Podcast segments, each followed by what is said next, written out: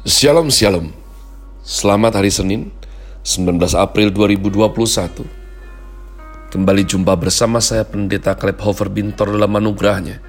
Penuh sukacita sampaikan pesan Tuhan melalui Grace Word yakni suatu program renungan harian yang disusun dengan disiplin. Kami doakan dengan setia supaya makin dalam kita beroleh pengertian mengenai iman, pengharapan, dan kasih yang terkandung dalam Kristus Yesus. Sungguh merupakan kerinduan saya begitu sekalian agar supaya kasih dan kuasa firman Tuhan setiap hari tidak pernah berhenti menjamah hati kita menggarap pola pikir dan terutama adalah kehidupan kita boleh sungguh berubah menuju Christ likeness.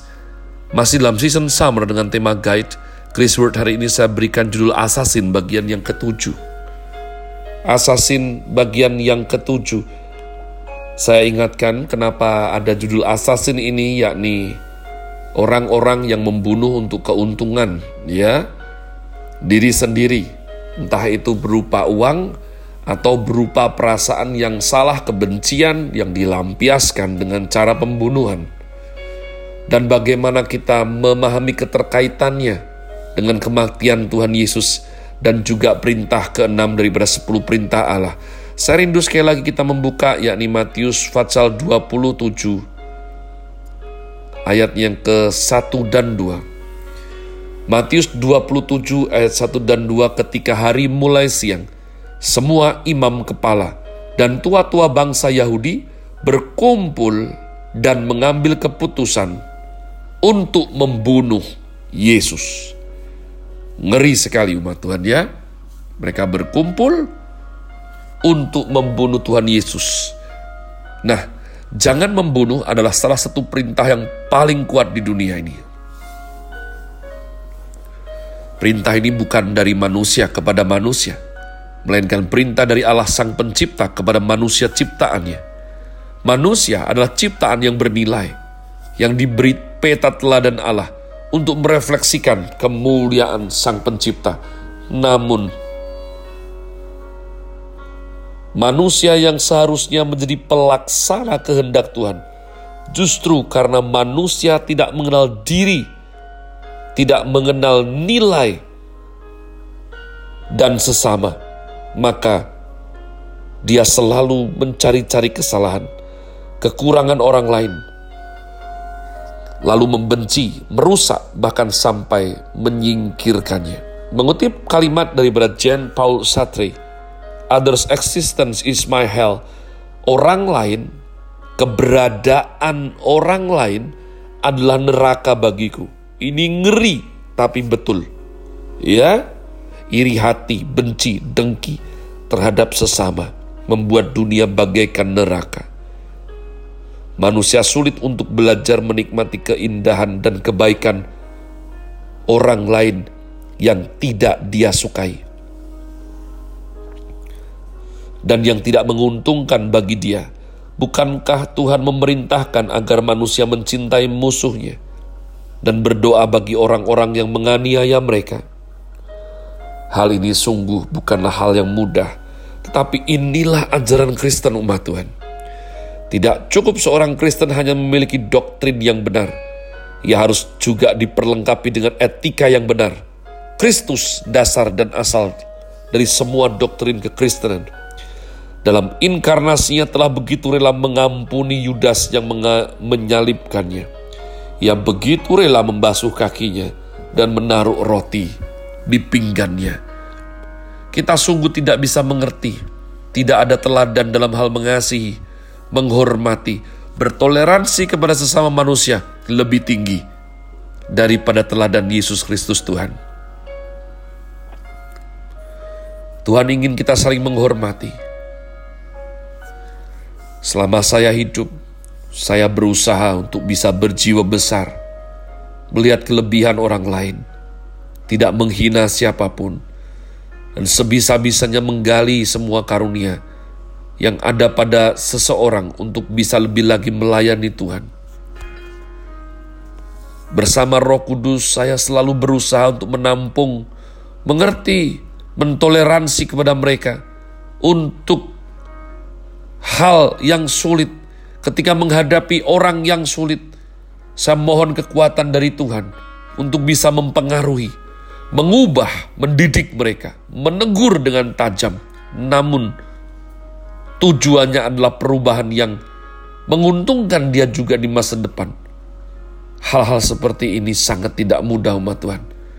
Terkadang disalahpahami, terkadang dirugikan, harus belajar menyangkal diri, berani membayar harga yang mahal untuk pemuritan. Inilah semua semangat kekristenan. Orang yang tidak rela menyangkal diri dan memikul salib, sulit sulit menjadi berkat bagi orang lain. Orang yang membenci orang lain, Tuhan bilang sudah membunuh. Ada banyak jenis pembunuhan, seperti membunuh perasaan, membunuh nyawa, membunuh otak, membunuh karakter, membunuh karir, dan seterusnya.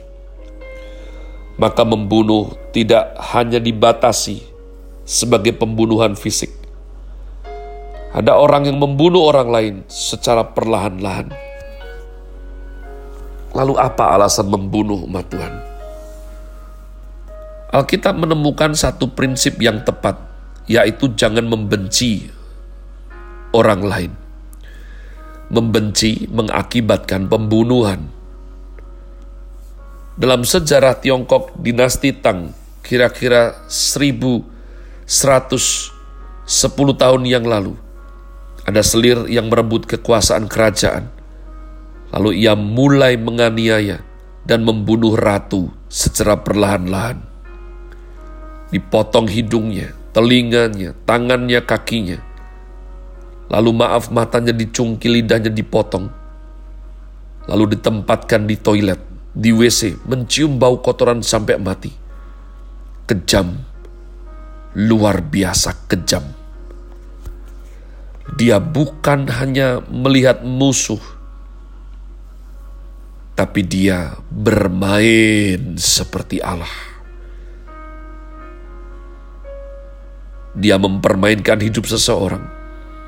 Siapa manusia? Manusia adalah ciptaan Allah yang sama-sama berbagi kasih Allah. Oleh karena itu, janganlah kita membenci satu terhadap yang lain Jangan menggunakan kuasa lebih dari yang sepatutnya. Jika ada bibit iri hati, benci dengki harus segera bertobat. Meskipun kebencian sepertinya tidak mudah dilihat orang lain. Tetapi kita harus terus ingat bahwa Tuhan Allah melihat setiap hati dan pribadi kita. Peribahasa Tionghoa mengatakan, ada jaring hukum sorga yang sepertinya longgar, tetapi tidak melepaskan orang yang melanggar hukum. Terlalu banyak contoh bahwa orang-orang berbuat kejahatan untuk seketika tidak ketahuan, tapi suatu hari pasti terbongkar. Tuhan adalah Tuhan. Tuhan tidak akan membiarkan dosa berjalan semaunya. Ya, Pernah terjadi seorang profesor dari universitas ternama di Amerika Serikat tertangkap karena membunuh 65 wanita cantik.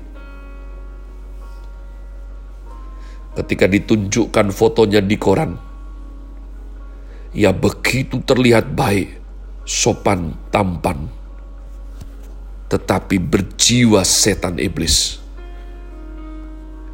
Sebaliknya orang mengatakan Sokrates berwajah seperti badut umat Tuhan. Ya, ada peribahasa katakan di zamannya, Sokrates berwajah badut, berhati Allah.